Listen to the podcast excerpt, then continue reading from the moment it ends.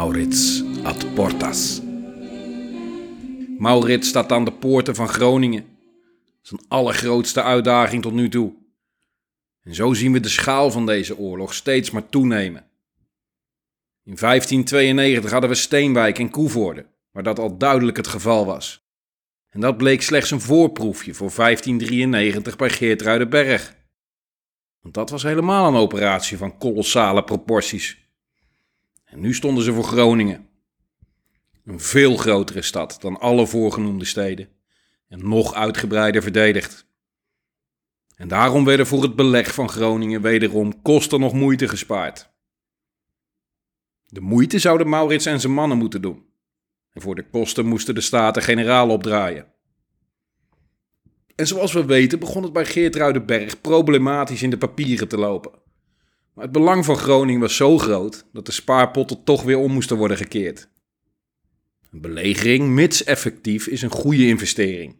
Economisch en strategisch is het het geld meer dan waard. Mits effectief. En dat weet je niet van tevoren. Het zegt iets over het vertrouwen wat ze hadden in Maurits. Dat dat groot genoeg was om het erop te wagen.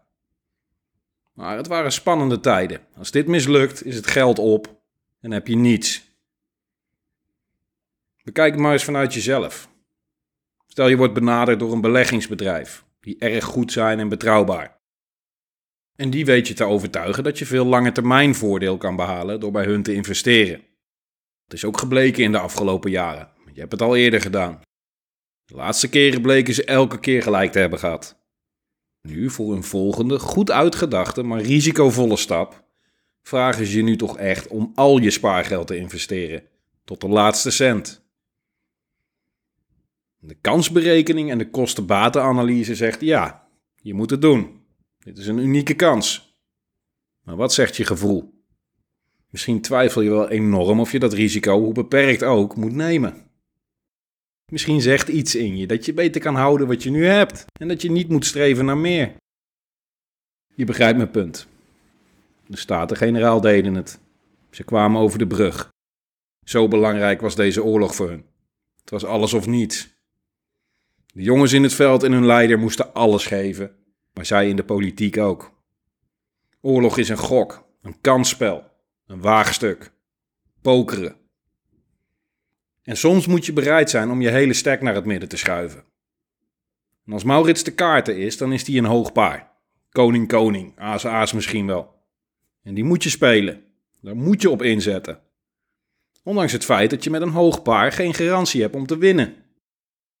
Een grote kans, dat wel. Een grotere kans ga je niet krijgen. Goed, de kaarten waren geschud en de Staten-Generaal hadden een hoog paar in de hand met Maurits. Dus er werd hoog ingezet. Groningen was de prijs. Maurits wist dat hij niet kon leunen op de omvang van zijn troepenmacht of op vuurkracht. Iets wat zijn vijanden maar al te vaak deden. Maar dat hij alles in het werk moest stellen. Alles wat kan helpen om de verdediging te breken. Zo voltrok zich voor Groningen de allergrootste operatie van het staatse leger tot nu toe. Het begon op 22 mei 1594 met het opzetten van een uitvalsbasis. Op hoge grond, een sterke verdedigende positie met overzicht op het omliggende landschap. De uitvalsbasis moest van twee kanten beschermd worden. Dat deed hij door forten en schansen te bouwen en door omliggende gebieden te inunderen. Hij liet kanalen aanleggen voor zijn logistiek voor aanvoer van versterking, wapens, munitie en voedsel. Vanuit die aanvalsbasis konden de omliggende voorverdedigingen worden aangevallen. De meeste waren echter al verlaten. Die hadden zich al naar de stad zelf teruggetrokken. Daar waren alle troepen hard nodig, was de voorspelling. Maar de verdedigers van de schans van Adouarderzeil zaten er nog wel, met een aanzienlijk garnizoen. Daar moest om gevochten worden. Om de schans aan te leggen hadden de Spanjaarden iedereen uitgemoord in de omgeving, een jaar daarvoor. De aanval op de schans was dus niet alleen strategisch, er zat ook een stukje wraak bij. Een stukje wraak is zacht uitgedrukt. Dat was goed te zien aan de furieuze aanvallen die de staatse troepen zouden gaan uitvoeren, geleid door Willem Lodewijk zelf.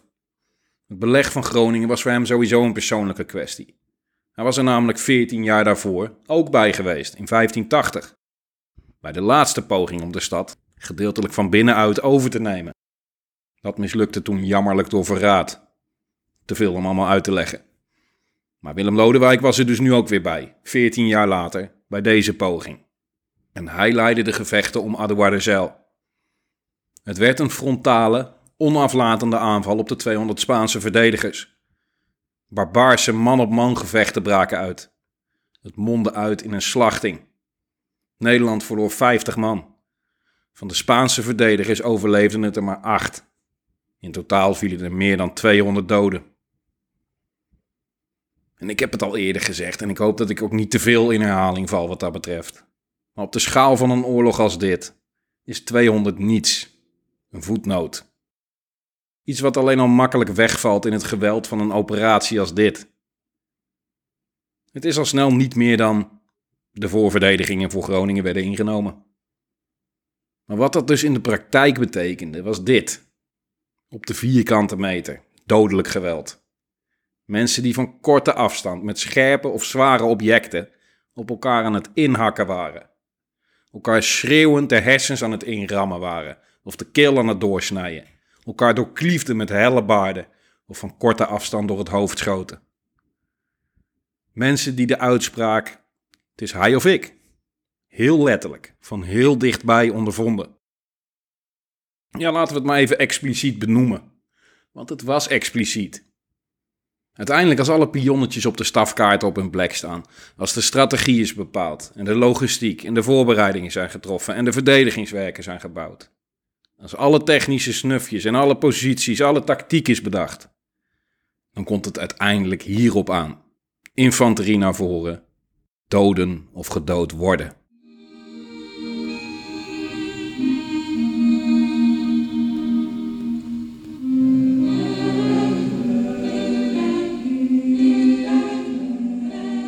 Maar goed, we gaan weer terug naar de grotere operatie, waar het tenslotte om draait. Groningen. De schans was ingenomen. En dat was een belangrijke stap, want nu konden de belegeraars ook vanuit het noorden worden bevoorraad. De Spanjaarden in Groningen zagen het met ledenogen aan. Steeds verder raakten ze ingesloten. Het was nu of nooit, vonden ze. We moeten iets proberen nu het nog kan. Ze trokken erop uit om de staatse troepen aan te vallen nu net voordat de belegering voltooid was. Dat en zware regenval zorgden uiteindelijk voor niet meer dan hinder voor de troepen van Maurits. Vertraging. De Spanjaarden werden weer terug de stad ingeslagen. Gedesillusioneerd. Het was mislukt. Het beleg van Groningen was een feit. Dit was een beleg van een andere orde. Op 3 juli, na vijf weken voorbereiding, kon het Nederlandse geschut in stelling worden gebracht en konden de beschietingen beginnen. En ik zeg vijf weken voorbereiding, maar het is eigenlijk vijf jaar voorbereiding geweest. Deze vijf weken waren echt alleen maar die laatste definitieve stap. De Groningers dachten voorlopig niet aan opgeven, zelfs niet aan onderhandelen. Die zagen nog wel perspectief. Er moest gevochten worden voor de stad. Dit kon wel eens een langslepend, tijdrovend en geld- en levensverslindende aangelegenheid gaan worden. En dat ging het ook worden. Wekenlang beschietingen over en weer en zware gevechten.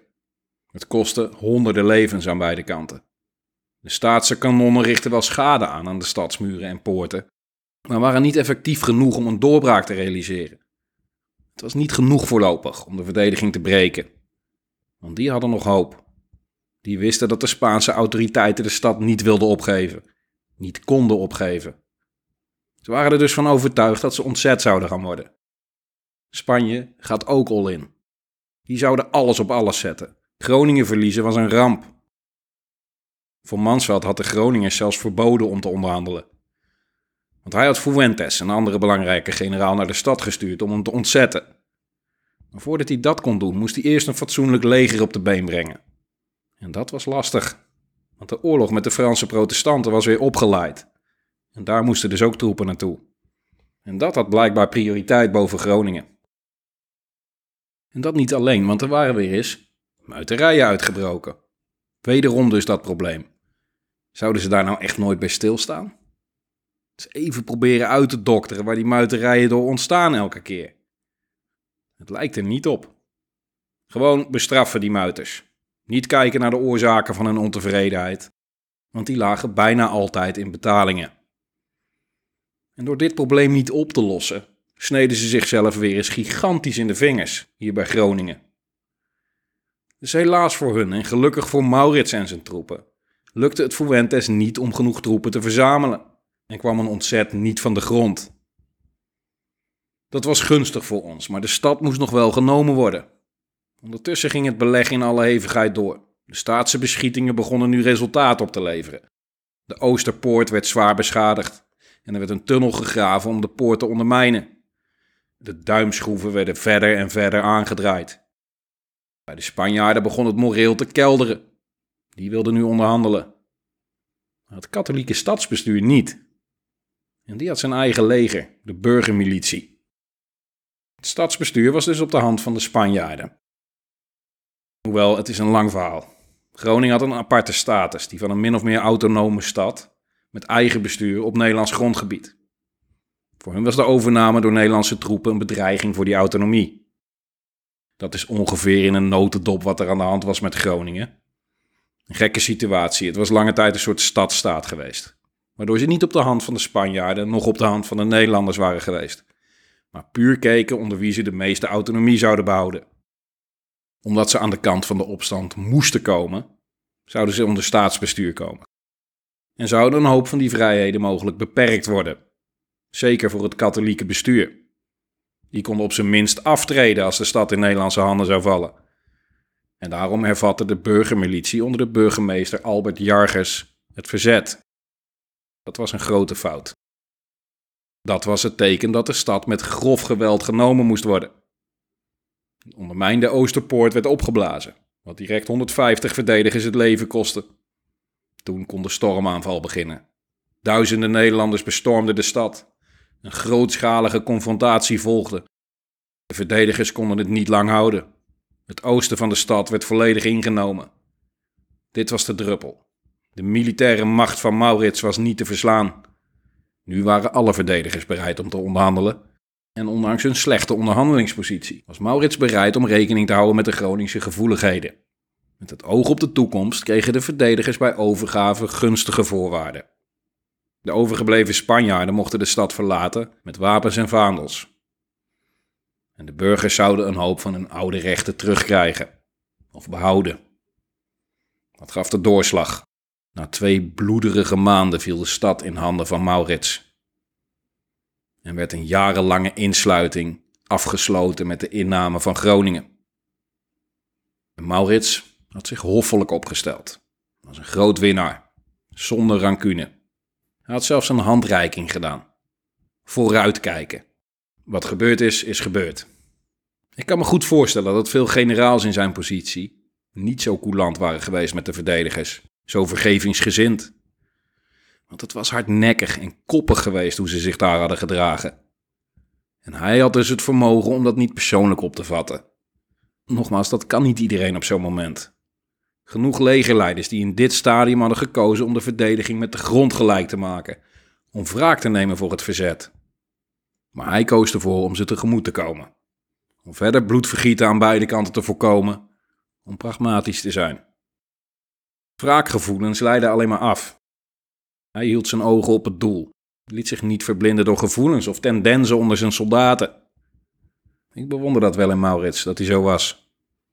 Hij toont op die manier wel aan dat hij meer is dan een solide militair. Maar dat hij dus ook een verstandig man was. Geen sadist, geen machtswellusteling. Het is een opvallende, permanente karaktertrek van hem. Hij was eigenlijk altijd voor reden vatbaar, behandelde zijn vijanden goed en zijn vrienden ook. Hij hield van zijn soldaten en zij van hem. Was goed voor ze, was begaan met hun lot. Hij stond ook bij zijn troepen bekend als een vriendelijke en verstandige man. Ook streng als het moest, maar altijd rechtvaardig. Het verbreken van de krijgstucht, dan had je een verkeerde aan hem. Daar stond de doodstraf op. Maar zolang je je plicht deed, je taak uitvoerde, was Maurits een van de beste legerleiders van zijn tijd om onder te dienen. Je kreeg geen nutteloze suïcidale opdrachten, legde uit waarom het moest gebeuren, gaf het goede voorbeeld. Hij sliep in een tent tussen de soldaten, als een van hun. Ook in het gevecht. Hij spoorde ze aan, bevond zich regelmatig aan het front. Leiden van voren, zoals dat heet. Want ook bij Groningen was Maurits weer aan de dood ontsnapt. Toen een kogel zijn schild raakte en penetreerde. De verwondingen vielen mee, maar de schik zat er goed in. Wederom smeekte de Staten-Generaal hem om minder persoonlijke risico's te gaan nemen. Ze wisten dat hij dapper was, dat punt had hij nou wel gemaakt. Maar hier speelden grotere belangen, een grotere verantwoordelijkheid. Maurits was te groot om te sterven. Hij moest het doen, het lag op zijn schouders alleen. Niemand kon op dat moment zijn taak overnemen. Ook Willem Lodewijk of Francis Veer niet. Die hadden wel lichte kennis en de ervaring, maar misschien toch niet dat speciale talent van Maurits. Net dat stukje management en organisatie wat hij had. Dat ongrijpbare, dat charisma, dat vingerspitsengevoel. Maurits had zichzelf onmisbaar gemaakt, onvervangbaar. Hij was onmeetbaar belangrijk geworden. Te belangrijk misschien wel. Want dat is in een bepaald opzicht een militair nadeel. Onvervangbaarheid betekent kwetsbaarheid. Om continuïteit te waarborgen in je krijgsmacht moet jouw taak ingevuld kunnen worden door een ander. Een leger is een collectief systeem waar een commandant ook maar een schakel in de ketting vormt. Als er dus een te grote druk op één schakel komt te liggen, is dat onwenselijk, ongunstig. Het komt er cru gezegd op neer dat je als militair altijd met een gerust hart moet kunnen sneuvelen. Dat de organisatie niet valt of staat bij jou als persoon. En dat kon Maurits niet. Dit type belegering, zoals die van Groningen. Deze schaal van opereren. De mate van organisatie die daarvoor nodig is. Dat kon alleen hij.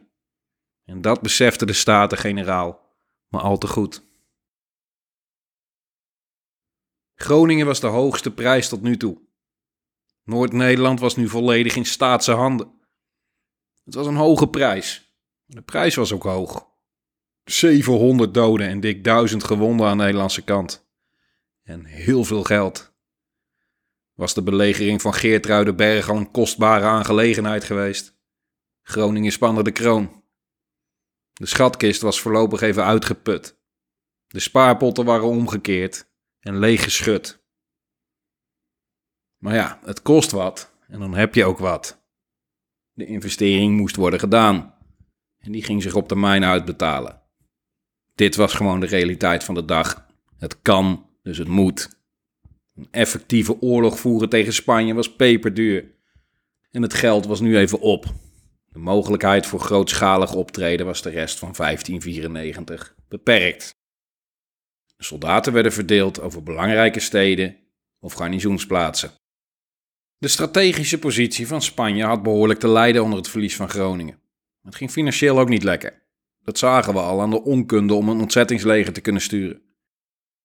Zoals ik al uitlegde, die hadden meerdere ijzers in het vuur. In het zuiden met de Fransen en door heel Nederland met de Nederlanders. Van Oldenbarneveld zag het ook en wilde er gebruik van maken. Hij zag het als een uitgelezen kans om de verzwakte Spanjaarden nog verder te verzwakken. Hij wilde direct door. Naar Grol, tegenwoordig Groenlo. En die stad ook nog innemen. Maurits wilde wel, maar kon niet, vond hij. Hij kon simpelweg niet genoeg troepen bij elkaar brengen. En Grol was niet makkelijk in te nemen. Maurits weigerde dan ook om hier ineens zijn reeks overwinningen te laten eindigen. Veel te gevaarlijk, veel te weinig zekerheid. Maar Van Oldenbarneveld stond erop. Ze kwamen er niet uit. Dit was het eerste scheurtje wat er ontstond tussen de twee. Tot dan toe waren ze een harmonieus duo geweest. De ideeën van de raadspensionaris sloten één op één aan op die van de generaal. En andersom. Maar nu was er ruzie. Beiden hielden voet bij stuk. Nou ja, dat kan in elk goed huwelijk een keer voorkomen natuurlijk. Of zou dit een voorbode zijn voor meer oneenigheid?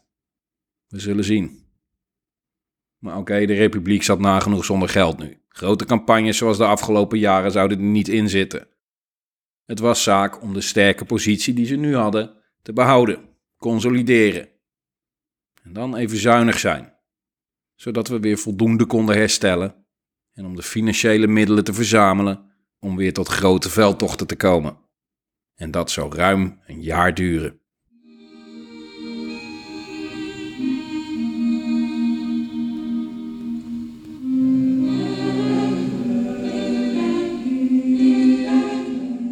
Campagneseizoen van 1595 was dan ook van een andere orde. Sterker nog, er kwam geen grote veldtocht dat jaar. Er kwam een ander plan.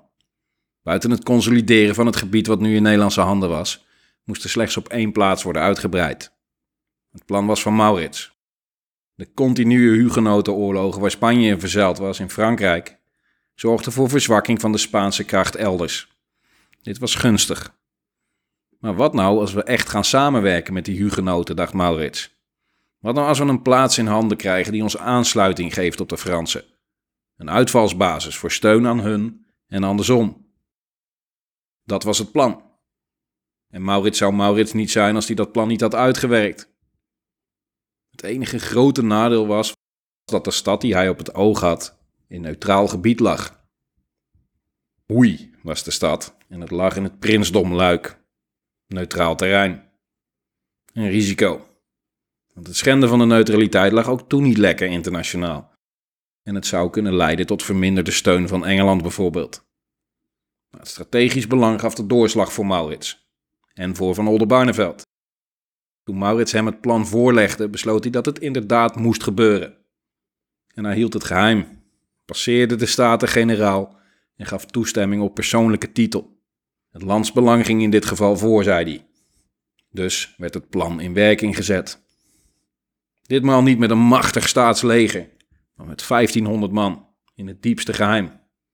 Onder leiding van Charles de Héraulgière. Dat was ook de man die de list met het turfschip in Breda had geleid. Hier mocht hij dat trucje herhalen. Hoe was bovenop een rotswand gebouwd. Het was dus een moeilijk in te nemen vesting. Maar hij had weer een ingenieus plan. Ook weer een soort special forces actie. Een groep van 30 man hadden zich in een huis op de rotswand verstopt. En die waren onopgemerkt gebleven. Het huis bevond zich recht onder het kasteel. En via een dakraam konden ze naar een kasteelraam klimmen met een touwladder. In het holst van de nacht, in het diepste geheim. Binnen konden ze de niets vermoedende bezetters overrompelen. Toen legden ze een hinderlaag en overmeesterden alle bewoners en die werden één voor één gevangen genomen. Dit alles nog steeds zonder opgemerkt te worden.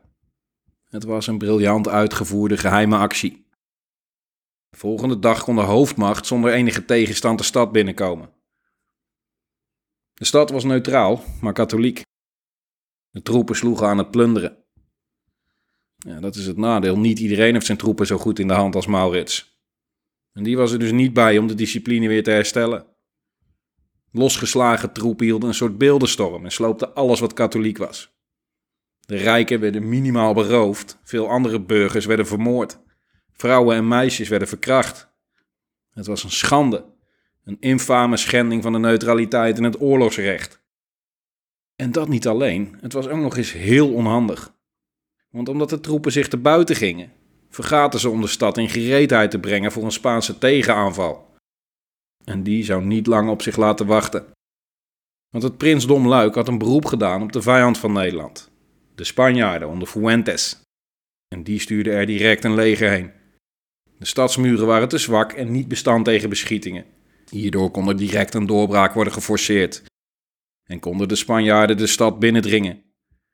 De verdediging was niet paraat en niet op orde. Ze stonden met hun rug tegen de muur. Ze konden nog wel een vrije aftocht krijgen als ze de stad meteen zouden opgeven. En zo viel Hoei op 20 maart alweer in Spaanse handen. Die droegen hem toen schoorvoetend, met enige tegenzin over aan het land van Luik. Het was een fiasco voor Nederland. Niet alleen was het een deuk in het imago van de republiek door het schenden van de neutraliteit, maar ook door de gedragingen van de troepen natuurlijk. En het was als klap op de vuurpijl ook nog eens niet gelukt. Het was dus een behoorlijke tegenvaller. Het plan was niet per se het probleem geweest, dat was nog te onderbouwen. Maurits en Van Oldenbarneveld waren het erover eens geweest. Maar ze hadden puur gekeken naar het strategisch belang. De uitvoering was in eerste instantie ook goed, maar het vervolg was slecht.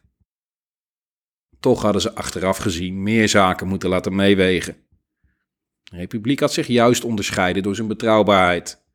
Het feit dat er op dit moment al veel geld werd verdiend aan handel toont dat aan.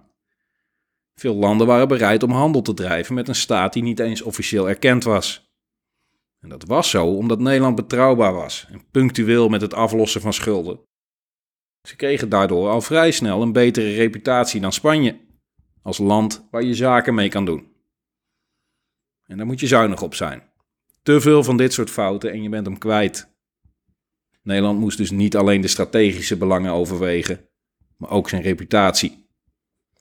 Steun en erkenning. Het is op lange termijn heel erg belangrijk.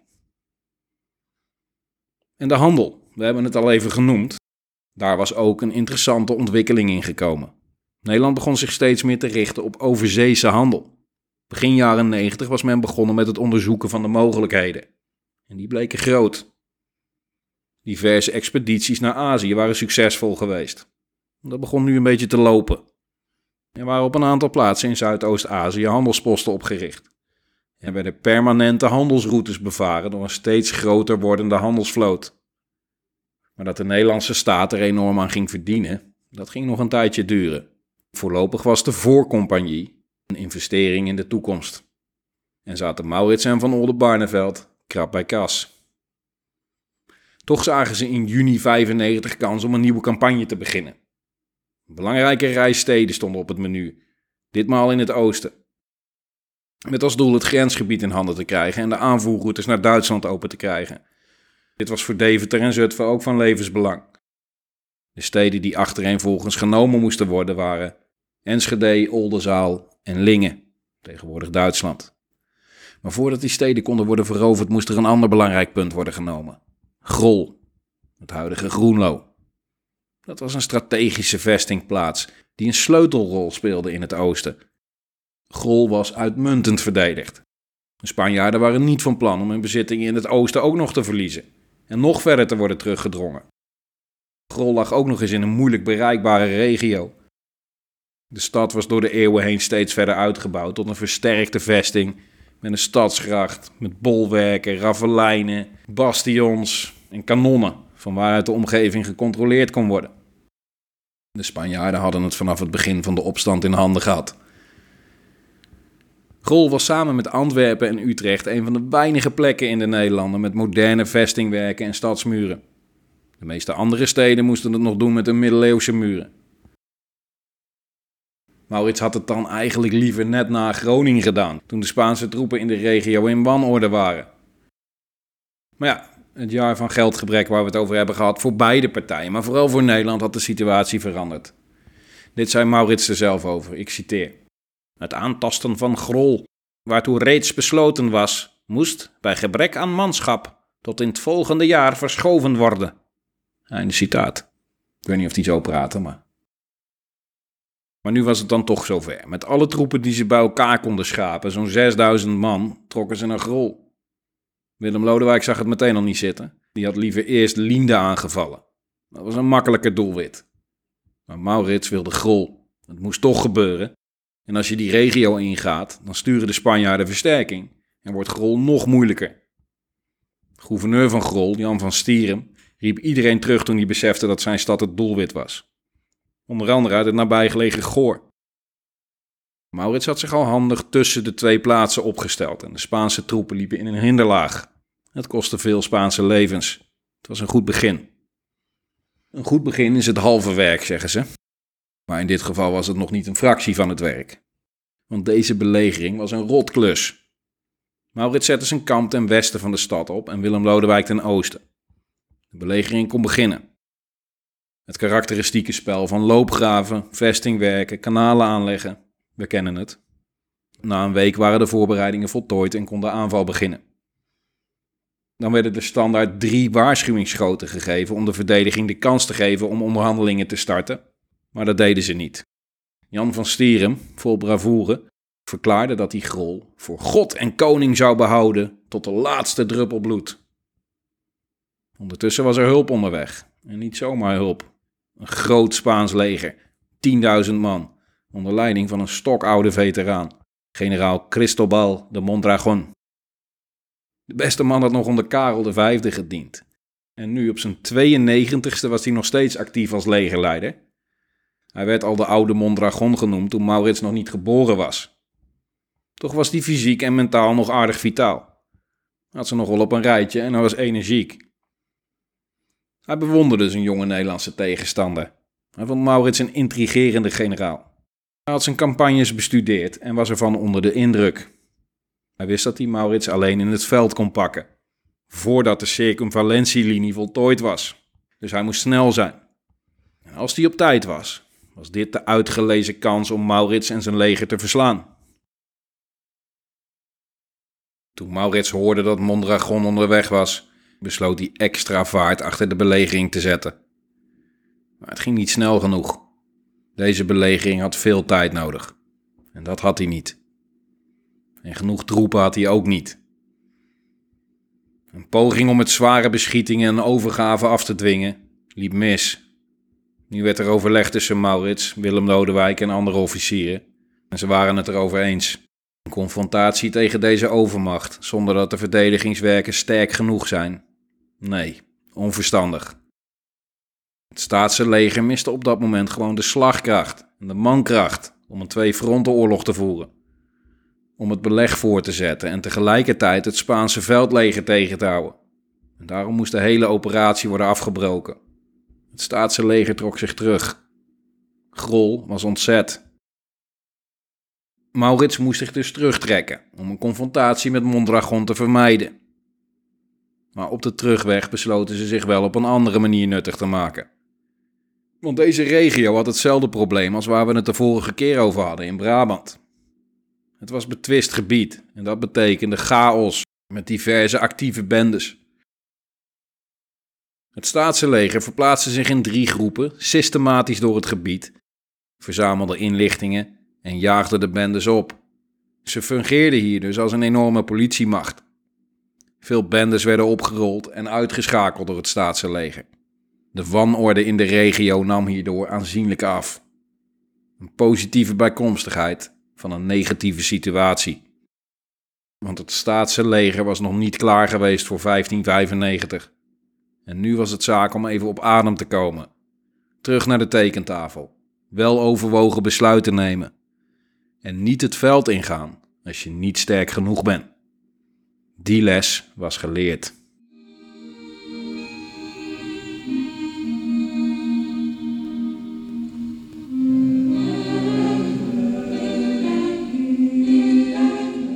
In Frankrijk rommelde het ook nog steeds. De katholieke koning had uiteindelijk na tientallen jaren en net zoveel oorlogen de hugenoten verslagen. Met behulp van de Spanjaarden. Maar nu wilde Philips II ineens niet meer weg uit Frankrijk. En was het uitgelopen op een conflict tussen hem en de Franse koning om de Franse troon. Hij wilde nu geloof ik zijn dochter op de Franse troon hebben. En de Franse koning wilde lekker blijven zitten. Philips had blijkbaar niet genoeg aan zijn hoofd en besloot de oorlog in Frankrijk dus voor te zetten. Frankrijk zocht nu vrienden, bondgenoten om het tegen de Spanjaarden op te nemen. En dus besloten ze met Engeland, gezworen vijanden, een alliantie te sluiten. Met elkaar tegen Spanje. En ze vroegen ook aan Nederland om mee te doen. Daar had Van Oldenbarneveld wel oren naar. Aangezien we de afgelopen 30 jaar weinig anders hebben gedaan dan tegen Spanje vechten. En dat konden we goed. En dat deden we naar hartelust. Maar alleen is maar alleen. Alle hulp is welkom. Samen staan we sterk. Als wij onze krachten bundelen met deze twee naties, dan kunnen we Spanje definitief verslaan. Maar zover ging de alliantie niet. Het zou bij beperkte militaire, morele en financiële steun blijven. Jammer, vond Van Oldenbarneveld. Die had gehoopt op een verregaande toewijding bij alle partijen, met als doel om de Spanjaarden wereldwijd te bestrijden en ze van hun rijk te ontdoen. Dat werd het niet. Frankrijk en Engeland wilden niet te veel commitment. En met name Engeland wilde niet dat die kleine republiek te veel macht kreeg. Ze zagen toen al een potentiële concurrent in Nederland. Dat die maritieme en economische macht in de toekomst een bedreiging zou kunnen vormen. Er werd wel afgesproken dat geen van de partijen afzonderlijk vrede mocht sluiten met Spanje. Dus zolang er oorlog is, vechten we met z'n allen. De Triple-alliantie van 1596 was een feit. Gunstig voor Nederland en voor alle partijen.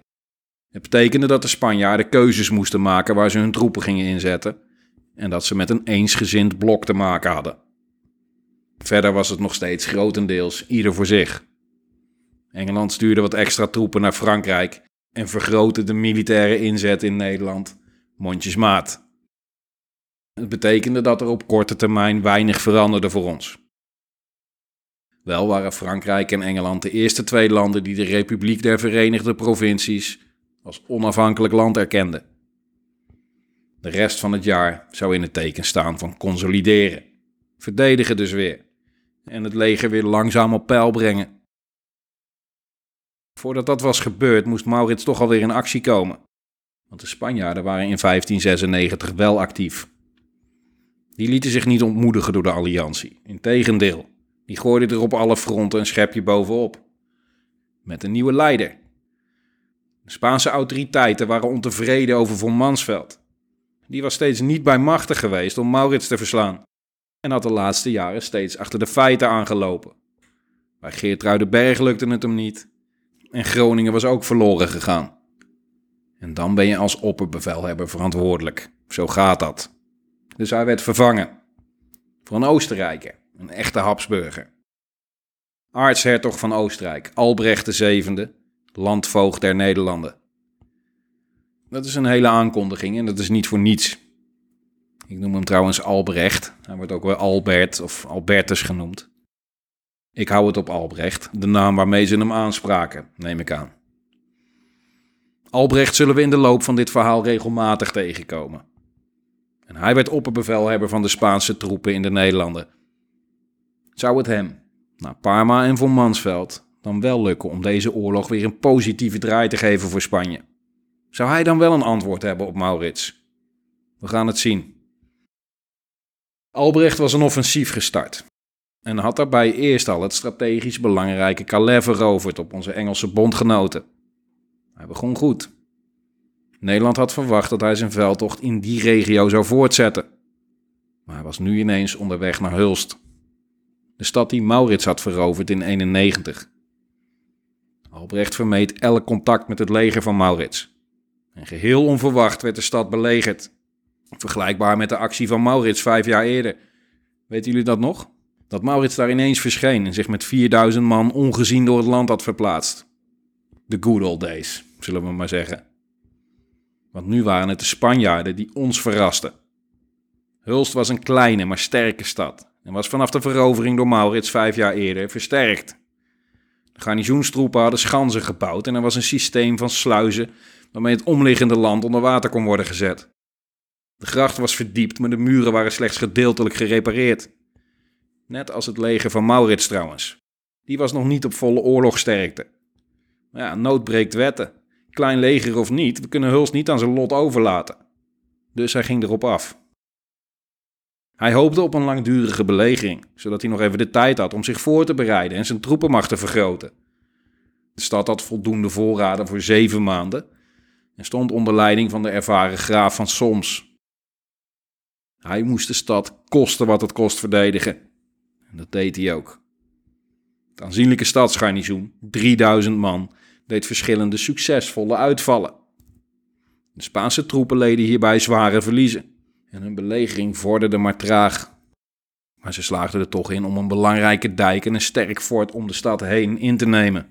De Spanjaarden gingen grondig en systematisch te werk. Albrecht had geleerd van de belegeringstechnieken van Maurits.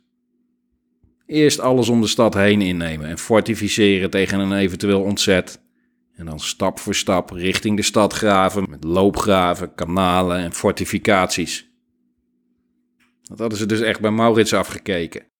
Het grote verschil was nog wel dat ze nog steeds veel slordiger met hun troepen omsprongen. Dat ze geneigd waren om te gehaast een doorbraak te willen forceren met de infanterie. Maurits wachtte daar altijd zo lang mogelijk mee, totdat de kans van slagen het grootst was maar Albrecht niet, waardoor zijn troepen onnodig zware verliezen leden. Ze maakten wat vordering, maar heel lekker ging het voor de Spanjaarden dus ook niet. Ze verloren zelfs een generaal, de hoogste officier onder Albrecht. De man die de verdediging leidde in het veld, generaal de Rosne. Na enkele weken hadden ze 600 dodelijke slachtoffers. Dat kwam door de tegenaanvallen van de Nederlanders, maar ook door ziektes, attritie, uitputting. In het Spaanse leger dienen was geen pretje. Accommodaties waren slecht. De commandanten waren meedogenloos en je moest blij zijn als je betaald werd voordat je de dood werd ingejaagd. Maar ze hadden wel de aantallen. Het Spaanse leger was groot. En Albrecht moest en zou de stad innemen. Hij wierp al zijn artillerie in de strijd. En door de overweldigende vuurkracht van de Spaanse kanonnen werd uiteindelijk een grote bres in de stadsmuren geslagen. Albrecht gaf de Nederlandse leider de kans om zich over te geven voordat de grote Spaanse aanval zou beginnen. Hij weigerde. Kom maar. In plaats van een grote aanval begonnen de Spanjaarden nu de stadsmuren te ondermijnen. Dit brak de verdediging. Het moreel kelderde. Onder het garnizoen en onder de bevolking. Ze hadden al 700 man verloren en lagen al twee maanden geïsoleerd. Op handen zijnde Spaanse aanval zou moeilijk af te weren zijn. Daarbij waren er een aantal regels voor belegeringen. Onder andere dat je garnizoenen de kans geeft om zich met gunstige voorwaarden over te geven. En dat als de aanvallende troepen de stadsmuren zijn binnengedrongen, mag de stad geplunderd worden. Vandaar dat je ook vaak ziet dat ze zich net voor dat moment overgeven. Dit gaf voor de graaf van Solms de doorslag. De stad hield het niet langer uit. Net op het moment dat het ontzettingsleger van Maurits aan het oprukken was. Hij en Willem Lodewijk begonnen nu aanvallen te ondernemen op de Spaanse belegeraars. Zoals ik al zei, Albrecht had geleerd van de Nederlandse successen van de afgelopen jaren en had zich hierop voorbereid. Nu moesten staatse troepen in het open veld sterke gefortificeerde stellingen aanvallen. En dat liep mis. Er was geen doorkomen aan. Maurits besloot dat het niet anders kon. Zijn troepen zich laten stuk lopen op deze verdediging was nutteloos en kansloos. Ze trokken zich terug. Het ontzet van Hulst was mislukt. En de stad was bereid om over overgave te onderhandelen. Tot opluchting van de Spanjaarden. Dit was in een bestorming nog steeds geen makkelijke klus geworden. Dat wist Albrecht ook. En daarom gaf hij de verdedigers de meest gunstige voorwaarden. Op 18 augustus 1596 viel de stad in Spaanse handen. Hulst, een strategisch belangrijke plaats, was verloren gegaan voor de Nederlanders. Maar tactisch kan je het nauwelijks een overwinning noemen. Het was een Pyrrhus-overwinning. De Spanjaarden waren 60 officieren en 5000 soldaten verloren, waarvan bijna de helft door ziekte. Moet je nagaan wat voor aantallen dat zijn. Dat je op een leger van tussen de 12 en de 16.000 man 5000 doden hebt. En dat je dan gewonnen hebt. Als het staatse leger dat overkomt, is het klaar. Dan is de oorlog voorbij. In één klap de helft van je troepen verliezen, kon aan onze kant gewoon niet. Zo'n verlies kon niet worden gedragen. De training, de kennis, de ervaring waren niet zomaar even vervangbaar. Voor Spanje was het vervelend, maar geen ramp. Praktisch onhandig en duur, maar meer ook niet. Hulst was er slecht aan toe na de belegering. Bijna 35.000 kanonskogels waren op de stad afgevuurd. Alles lag in puin. De Spanjaarden hadden een smeulende hoop stenen veroverd. Maar het was ondanks dat een belangrijke overwinning. Eindelijk weer eens voor de Spanjaarden. Die hadden een enorme reeks nederlagen kunnen doorbreken met de inname van Hulst. Het zorgde ervoor dat Albrecht het respect had verdiend van koning Philips II. Die was al lang blij dat er weer eens iets te vieren viel. Met deze nederlaag vreesde de Republiek vervolgens een Spaanse beleging van de steden Axel en Biervliet. Echter, na de zware verliezen had Albrecht niet genoeg troepen meer en trok zich terug naar Vlaanderen. De Republiek kwam erachter door een onderschepping van een brief aan Philips II. Er heerste opluchting. We kwamen voorlopig met de schik vrij. We konden ons versterken. De Spanjaarden hebben geleerd, dat is duidelijk. En ze blijven leren, ook van deze kostbare overwinning. Was het niet Napoleon die zoiets zei als: You must not fight with one enemy too often, or you will teach him all your art of war. Het verrassingselement van de plotseling hoog georganiseerde troepen van Maurits was eruit. De Spanjaarden hadden zich aangepast. Dus moeten wij ons ook weer aanpassen en hier weer sterker uitkomen. Want je tegenstander blijft niet achter de feiten aanlopen. Je moet jezelf niets wijsmaken in oorlog. Niet denken dat je er al bent, maar jezelf elke keer opnieuw blijven uitvinden. Want als je dat niet doet, dan doet je vijand het. Het gaat ook om wilskracht en veerkracht. En dat was er aan beide kanten. Ik weet dat ik net zei dat als we de helft van het veldleger in één klap zouden verliezen, dat het dan klaar zou zijn. Dat de oorlog afgelopen was. En daar kom ik nu op terug. Want dat was niet zo. Het zou een ramp zijn, die bij ons veel harder zou aankomen dan bij Spanje. Maar ook met zo'n ramp was het nog niet klaar geweest. Ook dan was Nederland doorgegaan. Er was geen weg meer terug. De fundamenten van de republiek waren te sterk. Ideologisch nog naar elkaar toe groeien was geen optie meer voor deze twee partijen. Dat was een gepasseerd station.